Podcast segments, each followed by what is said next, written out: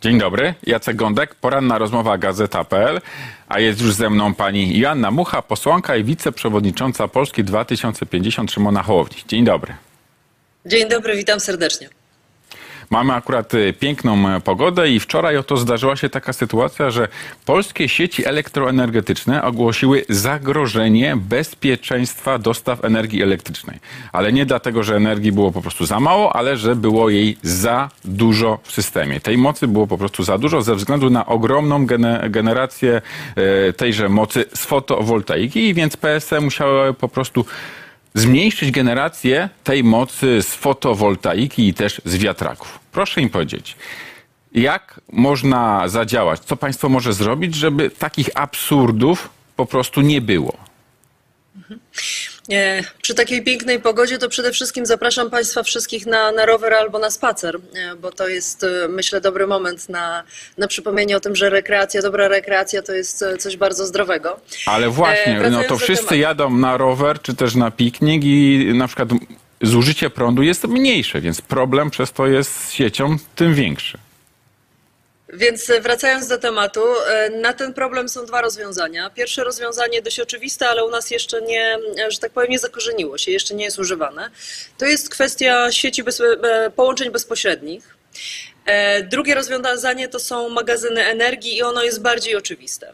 Może zacznę od tego drugiego. E, Magazyny energii, czyli wtedy, kiedy jesteśmy w stanie generować nadwyżki energii, możemy je magazynować w najróżniejszy sposób, bo to są i te magazyny bateryjne, których sprawność jest w tej chwili jeszcze e, nie nadzwyczajna. E, I magazyny takie nietypowe, o których byśmy na pierwszy rzut oka nie pomyśleli jako o magazynach energii, czyli na przykład elektrownie szczytowo-pompowe, które wtedy, kiedy jest nadwyżka energii, ciągną wodę na górę, e, na, e, gdzieś na, na, na jakieś przewyższenie. Po czym wtedy, kiedy tej energii brakuje, ta woda jest spuszczana, generując energię. E, Takim e, magazynem energii, trochę w cudzysłowie mówiąc, ale nie do końca, e, można w ten sposób potraktować produkowanie zielonego wodoru, czyli tego wodoru, który jest właśnie produkowany z uzyskaniem, czy z, pozyska, z pozyskanych energii, z, z energii pozyskanej z OZE. E, I wtedy, wtedy, wtedy, kiedy jest nadwyżka e, pozyskiwania energii, e, produkujemy ten zielony wodór. Wtedy, kiedy potrzebujemy energii, bo jest jej za mało sieci, używamy tego wodoru do tego, żeby generować e, energię.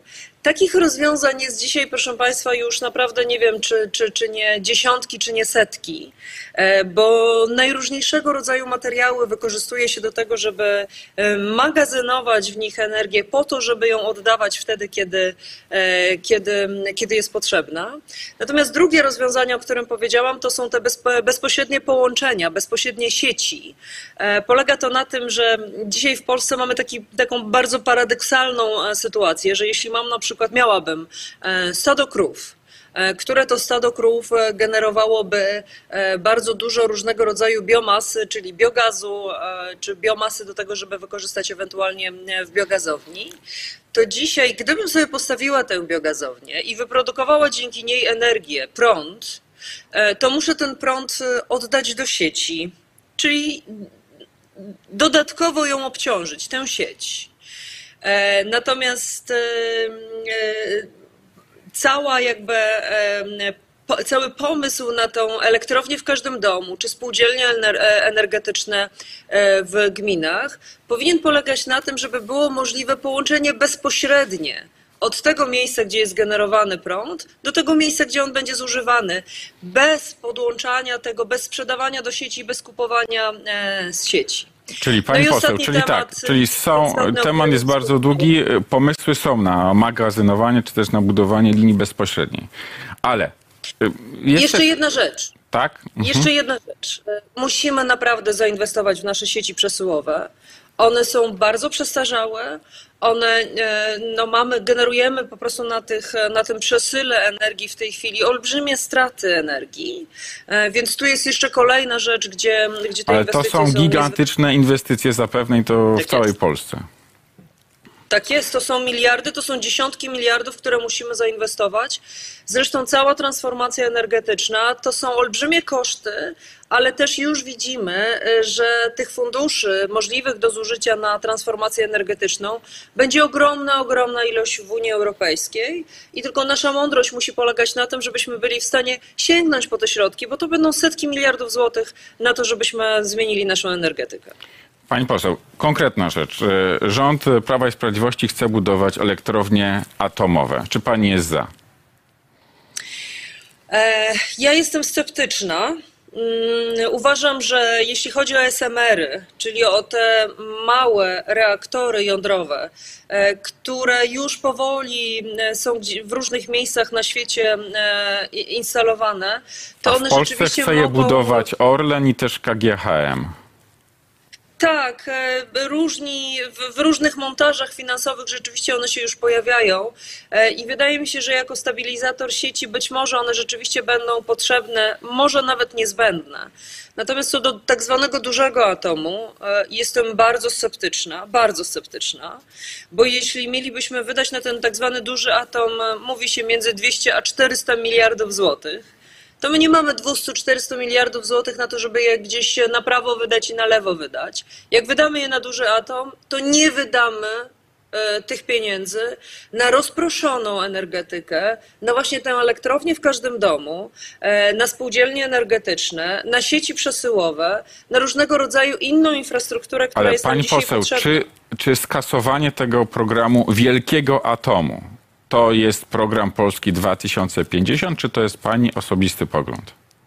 To jest mój osobisty pogląd. Y, Nie, mówimy, nie, nie mówię w tej chwili nic o skasowaniu, e, bo my nie znamy e, stanu umów, które zostały do tej pory zawarte. Więc dopiero wtedy, kiedy będziemy mieli dostęp do materiałów, do, do dokumentów, będziemy wiedzieli, na jakim etapie jest ta procedura. Bo dzisiaj dowiadujemy się różnych rzeczy z mediów, e, natomiast bardzo niewielu rzeczy jesteśmy się w stanie dowiedzieć od naszego e, rządu. E, Więc to jest mój osobisty pogląd. Uważam, że energetyka rozproszona jest lepsza, daje więcej bezpieczeństwa. Bo nie ma takiego jednego miejsca, w które można uderzyć jakąś, e, jakąś e, e, głowicą i które już od razu doprowadzi do tego, że tej, tej energii po prostu nie będzie w całej sieci. Więc uważam, że ona jest lepsza, tańsza, czystsza i bezpieczniejsza, dająca większe poziomy e, bezpieczeństwa. Czyli Polska 2050 nie tyle chce skasowania tego programu wielkiego atomu, co jego przeglądu i też rewizji. Dobrze rozumiem? My podchodzimy do kwestii atomu totalnie pragmatycznie. E, Jeśli okaże się, że dla stabilizacji systemu jakieś elementy infrastruktury ato- atomowej, energii jądrowej będą potrzebne, to będziemy chcieli je instalować.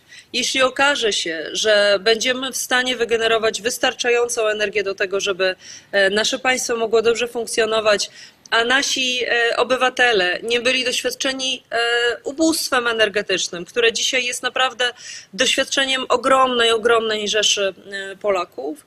Jeśli nie trzeba będzie do tego atomu, to będziemy starali się to zrobić bez tych dużych inwestycji. Jeśli okaże się, że jakaś z tych inwestycji jest niezbędna, to tak jak mówię, podejdziemy do tego totalnie pragmatycznie. Zmieniając nieco temat, e, Sejm uchwalił niedawno ustawę o Komisji Weryfikacyjnej do spraw rosyjskich wpływów między innymi w polskiej energetyce. I jasne, że ta ustawa trafia do Senatu, potem wraca do Sejmu i potem jeszcze ewentualnie na biurko prezydenta. Ale czy w Pani ocenie ten, ta komisja to jest pomysł ok, czy może jednak to po prostu będzie polowanie na Donalda Tuska? Pan, to jest e, pomysł rodem z cywilizacji wschodniej, z takich cywilizacji jak e, rosyjska czy białoruska, e, z takich jakby obszarów e, e, rozwiązywania problemów politycznych, jak właśnie Ale Rosja Prawo i Sprawiedliwość i mówi, że to jest właśnie komisja do spraw wypleniania rosyjskich wpływów, a nie, że to jest wzorzec Tymczasem, wschodni. Tymczasem w moim przekonaniu zagnieżdżałaby nas e, właśnie w takich standardach rosyjskich e, i białoruskich. Chcę tylko powiedzieć tyle, że ta e, mieć uprawnienia sądu, w dodatku sądu, od którego nie wolno się odwołać. i w dodatku, bo nie i w dodatku sądu, który może skazać w sytuacji, w której nie popełniono przestępstwa. I to wyraźnie jest napisane w tych przepisach, które zostały stworzone, że osoba, która nie popełniła przestępstwa, może zostać skazana. Skazana na to, żeby wyeliminować tę osobę e, z życia publicznego na, na bardzo wiele e, lat. Ale pani mówi o takich y, prawach tejże komisji do cofnięcia poświadczenia bezpieczeństwa na 10 lat albo zakaz pełnienia funkcji związanych z Takie? gospodarowaniem pieniędzmi publicznymi też na 10 De lat maksymalnie. De facto oznacza to e, wycofanie takiego człowieka, takiego polityka, bo to przecież dotyczy polityków, e, z działalności publicznej.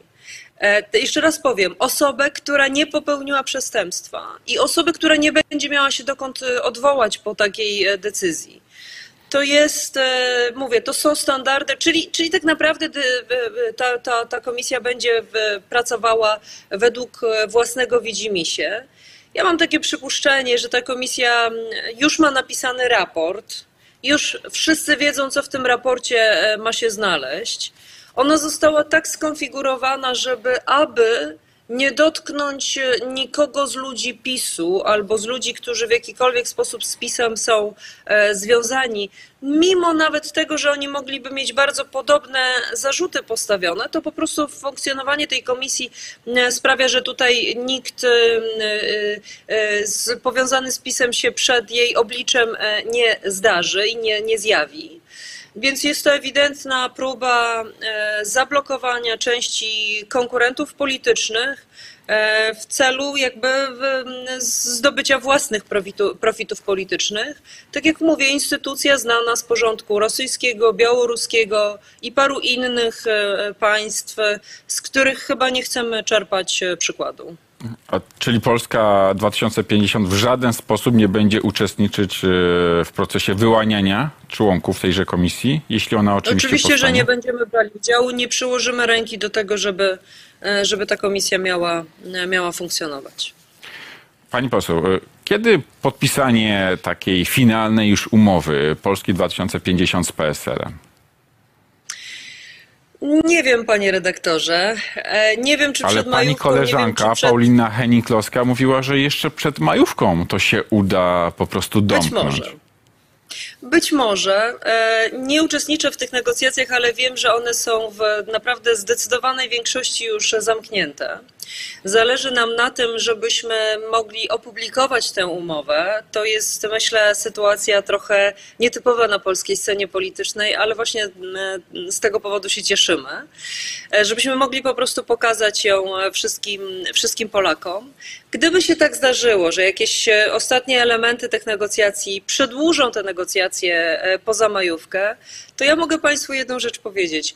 My się naprawdę nie mamy do czego śpieszyć. Jesteśmy pierwszymi dwoma e, formacjami na polskiej scenie politycznej, które zdecydowały się o tym, żeby podjąć e, współpracę i jesteśmy na tyle długi czas przed e, wyborami parlamentarnymi, że naprawdę możemy sobie pozwolić na to, żeby jeszcze negocjować, jeśli jakiekolwiek części by się, jakiekolwiek kwestie pojawiłyby się, które byłyby istotne, ważne i o których chci- chcielibyśmy porozmawiać, to nas naprawdę nic e, nie, nie, nie, nie, nie śpieszy. E, Możemy, możemy sobie pozwolić na to, żeby, żeby jeszcze na spokojnie rozmawiać. A pani jest taką gorącą zwolenniczką tego aliansu, czy to może jednak trochę wymuszone przez rzeczywistość, wie, więc trochę pani jest skrzywiona, skwaszona, ale no, podpisać taką umowę trzeba. Trzeba podpisać taką umowę. To nie jest małżeństwo, to nie jest miłość, to jest e, pragmatyczne podejście do sytuacji, w której e, wiele sondaży pokazuje, że PSL mógłby znaleźć się pod progiem wyborczym. E, Ja jestem przekonana o tym, że jeśli wygramy z PiSem, a jestem przekonana o tym, że wygramy z PiSem, to wygramy właśnie taką niewielką liczbą głosów. To będzie tych 4-5% głosów, które, które znajdą się na opozycji. I być może wyjęcie PSL-u spod progu będzie tym właśnie elementem, który sprawi, że wygramy. Więc to jest pragmatyczne, to jest konieczne e, i uważam, że naprawdę robimy porządną robotę na rzecz tego, żeby z PiSem wygrać. A jaki będzie podział jedynek na wspólnej liście PSL-u i Polski 2050? Od razu powiem, że informacja o tym, że, że zażądaliśmy 100% jedynek jest fejkiem. To jaka Fejkiem, jest który prawda w takim razie i jak to będzie rozstrzygnięte w umowie? Nie jestem w stanie panu odpowiedzieć na to pytanie, bo nie uczestniczę w tych negocjacjach, e, więc e, po prostu najnormalniej w świecie na tym etapie nie wiem. Ale w ogóle się tym nie przejmujemy. Naprawdę e, tego typu temat wydaje mi się, że przejdziemy bez najmniejszych problemów. Szymon Hołownia mówi, że to jest y, taktyczny sojusz. Dlaczego tylko taktyczny sojusz PSL-u z Polską 2050? I jeszcze raz powtórzę, e, to jest sojusz, e, którego celem jest to, żebyśmy, żeby głosy PSL-u się ewentualnie nie zmarnowały. Natomiast mówimy też wprost o tym, że będziemy chcieli po wyborach stworzyć odrębne kluby, że to nie będzie jeden organizm. PSL stworzy swój własny klub e, parlamentarny, my stworzymy własny klub parlamentarny. Na pewno będziemy współpracować, bo jest rzeczywiście sporo rzeczy, które nas e, łączą. Na przykład podejście etyki do transformacji energetycznej, od której, od której rozpoczęliśmy, to jest coś, co nas e, zaskakująco bardzo e, łączy. E, Natomiast jest też wiele tematów, e, w których mamy dramatycznie różne podejścia, na przykład myślistwo. Na przykład e, hodowle przemysłowe. To są rzeczy, które, w których mamy dramatycznie różne poglądy i nie dochodzi do żadnego ujednolicania tych poglądów. E, Trzymamy się, każdy trzyma się swoich poglądów, ale e, mimo to chcemy po prostu ze sobą współpracować, bo współpracy w polskiej polityce jest po prostu za mało. To może w takim razie, skoro za mało współpracy jest w polityce, to powinna być jedna lista. Tylko proszę, jednym słowem, góra jednym zdaniem. Proszę mi odpowiedzieć na pytanie. Czy jedna lista całej opozycji to jest projekt już pogrzebany, martwy zupełnie?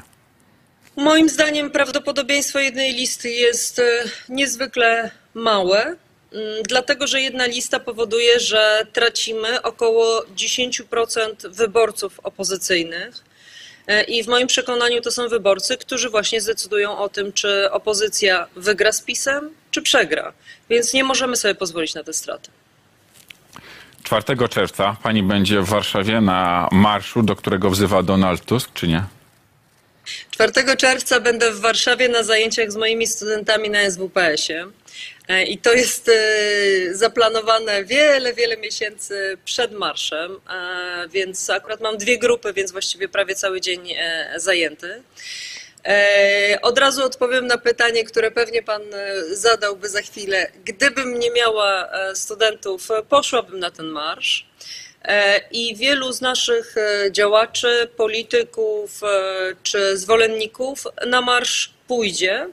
Natomiast będzie też ogromna grupa takich e, naszych działaczy czy naszych e, aktywistów, e, którzy będą organizowali inne, inne uroczystości e, 4 czerwca w różnych miejscach. My je co roku organizujemy, więc, więc na pewno będą kontynuowali tę, tę tradycję.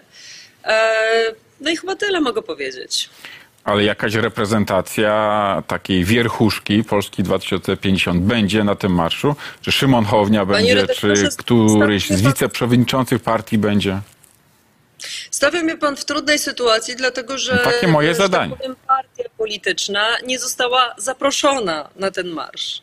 Więc e, tak jak powiedziałam, będą tam nasi ludzie, bo chcą pójść, ale no, trudno mi jest wypowiadać się na zasadzie takiej, czy my jako reprezentacja partii się tam pojawimy, bo nie zostaliśmy zaproszeni. Więc proszę mnie zrozumieć, że, że taka deklaracja z mojej strony byłaby trochę, myślę, że nie na miejscu. Ale to Polska 2050 potrzebuje jakiegoś oficjalnego, uroczystego zaproszenia, czy może wystarczy jednak e, krótki tweet Donalda Tuska, że oto wzywam wszystkich na marsz? E, e, ja słyszałam od polityków e, Platformy Obywatelskiej, że to jest marsz Platformy Obywatelskiej. Nawet nie Koalicji Obywatelskiej, tylko Platformy. Więc usłyszałam zaproszenie dla innych ludzi, a nie dla innych partii. I tak jak powiedziałam, jako ludzie, jako działacze, jako, jako sympatycy, na tym marszu na pewno duża grupa spośród nas będzie. Natomiast nie usłyszałam do tej pory żadnej, żadnego zaproszenia dla innych partii, również tych, które tworzą e, koalicję obywatelską notabene. E, Więc e, no, ewentualnie czekam na takie, na takie oficjalne zaproszenie i wtedy, wtedy oczywiście myślę, że będziemy podejmowali decyzje. Natomiast no, trudno się wpraszać do kogoś, kto nie zaprosił, po prostu. To w Pani ocenie czemu służy ten marsz tak w ogóle? No służy temu, żeby pokazać e, niezadowolenie, pokazać, że Polacy się nie zgadzają na, e, na, na, na, na pisowskie e, rządy.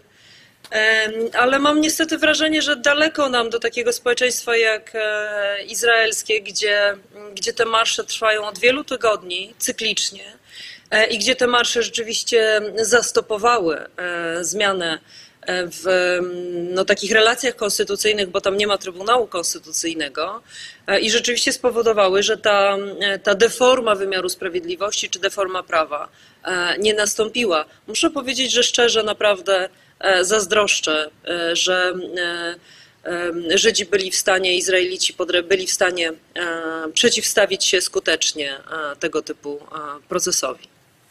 Pani poseł, e, wszyscy lamentują nad e, tym, że oto w Polsce rodzi się coraz mniej dzieci. Pani jest w stanie przedstawić, powiedzmy, trzy główne punkty programu Polski 2050, które by doprowadziły do takiego demograficznego odbicia w Polsce? Tak, e, po pierwsze więcej mieszkań i tutaj ten program mieszkaniowy niedługo będziemy, będziemy Państwu przedstawiać. Z Niedługo to znaczy kiedy? Myślę, że w ciągu najbliższych tygodni, E, ale proszę wybaczyć, no ja też nie jestem za to odpowiedzialna, żebym, e, żebym mogła tutaj e, termin jednoznacznie określić. Więc mieszkania, które są największym hamulcem, jeśli chodzi o, o to, żeby rodziło się więcej dzieci. Ale pani poseł, ale no a propos mieszkań, czy w tym, ja wiem, że może pani nie zna absolutnie wszystkich szczegółów, nie odpowiada za budowanie tego programu, ale czy program 2000, Polski 2050 to jest e, raczej pompowanie pieniędzy do deweloperów, żeby oni budowali mieszkania, czy może Nie, jednak tak jak jest- lewica, budowanie rękami państwa? Wie pan, nasze programy zawsze y, są w taki sposób ukształtowane, że dają wachlarz różnych możliwości. Więc my w, naszych, w naszym programie na pewno dotkniemy jakby każdego aspektu tego, że tych mieszkań w Polsce jest e, za mało.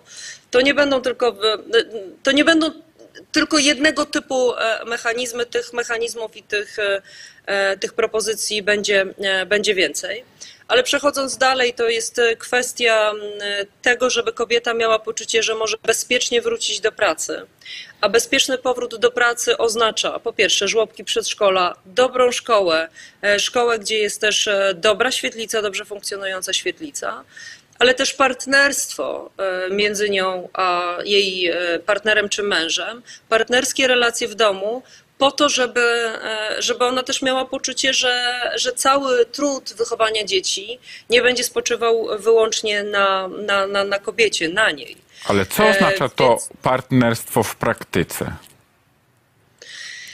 E, Oznacza wzmacnianie takich, znaczy od strony polityki, wzmacnianie takiego poczucia, że, że ojcostwo jest też niezwykle ważne, że angażowanie się mężczyzn, wychowanie dzieci, wprowadzenie domu e, jest czymś normalnym i czymś, co sprawia, że właśnie kobiety chcą mieć więcej dzieci, chcą, też są bardziej zaangażowane w swoją, w swoją e, e, rolę. E, Więc no, nie wiem, wydaje mi się, że to jest takie dość e, intuicyjnie e, e, zrozumiałe. Pani poseł, na sam koniec niech pani powie jednym zdaniem. Dlaczego e, taki szeregowy wyborca w Polsce miałby akurat zagłosować na nową formację Polskę 2050, a nie na e, te już takie okrzepłe, duże maszynerie polityczne jak Prawo i Sprawiedliwość, czy też PSL, samo, czy też e, Platformę Obywatelską? Przyjemnością, dlatego że my patrzymy w przyszłość, a nie zakleszczyliśmy się na przeszłości, e, że badamy dokładnie wyzwania i dajemy propozycje rozwiązania tych e, problemów, które te wyzwania e, stawiają przed nami, demograficzne, cyfra, cyfryzacyjne, klimatyczne i każde inne. Ale o przyszłości to mówi i w swoim haśle PiS, i też Platforma. Wszyscy mówią o przyszłości tak w zasadzie. No, ale jednak skupiają się w, dużym, w, dużej, w, duży, w dużej części na, na tym zakleszczeniu w sporze, w polaryzacji. Natomiast my chcemy wyjść z tej polaryzacji i my proponujemy jakby takie nowe, świeże spojrzenie na, e, na, na Polskę, ale zawsze z troską o każdego człowieka, z troską o ludzi, widząc każdego człowieka, których do tej pory, e, którego do tej pory te stare partie e, nie dostrzegały. I ten człowiek zawsze będzie w centrum naszego, naszego funkcjonowania. My chcemy, żeby polityka nieradykalna, tylko ta właśnie umiejscowiona w centrum stała się znów gorąca, stała się znów angażująca, żeby ludzie chcieli angażować się e, w e, swoje życie, w swoje środowisko, w swoje otoczenie. E, Podam panu taki prosty przykład. Ostatnio pan Mencen powiedział, że snem e, polskiej rodziny jest to, żeby mieć domek, dwa samochody, grilla e, i jeździć na wakacje zagraniczne. A my na to odpowiadamy, że jak to będzie jedyna ambicja dla Polaków, to będzie oznaczało, że wyjeżdżając z domu będą spotykali bandy, e, będą jeździli po dramatycznie złych e, ulicach, nie będą mieli opieki zdrowotnej, edukacyjnej i każdej innej. Więc my stawiamy właśnie na to, żeby to państwo dobrze funkcjonowało, miało dobre usługi zdrowotne, e, edukacyjne i każde inne, komunikacyjne. E, Ale Myślę, że wspomniała pokazujemy- Pani o Sławomirze Menceni i Konfederacji. No, jeśli spojrzeć na sondaże, no to może ten, e, ten przekaz Konfederacji jest atrakcyjny, bo jednak Konfederacja szybuje w tych sondażach. Ponad 10%, w niektórych nawet do 15% Dlatego się ociera. jest pokazywanie, że Konfederacja jest po pierwsze e, partią antyeuropejską, antydemokratyczną, partią, która nienawidzi kobiet, która chce karać więzieniem za aborcję kobiety i musimy pokazywać, że to jest partia darwinizmu społecznego, czyli takich relacji społecznych, e, które sprawiają, że osoba e, słabsza albo chwilowo na przykład słabsza, bo chwilowo e, na przykład chora, e, no nie będzie miała w jaki sposób e, przeżyć e, w tego typu otoczeniu. Wspomniała Pani o takiej wizji końca polaryzacji politycznej w Polsce.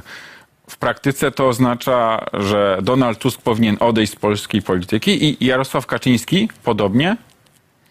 Ja nie będę nikomu mówiła, czy mają odchodzić, czy mają e, zostać. Ja chcę tylko zaproponować wyborcom inną e, wizję, inny sposób e, funkcjonowania w polskiej polityce. Mam głębokie przekonanie, że ten, ta, ta inna propozycja, ta alternatywa jest dla wielu osób bardzo atrakcyjna. Stawiamy kropkę. Joanna Mucha, posłanka i prze- wiceprzewodnicząca Polski 2050. Dziękuję Pani za rozmowę. Bardzo dziękuję. Miłego Państwu również życzę miłego dnia i do zobaczenia.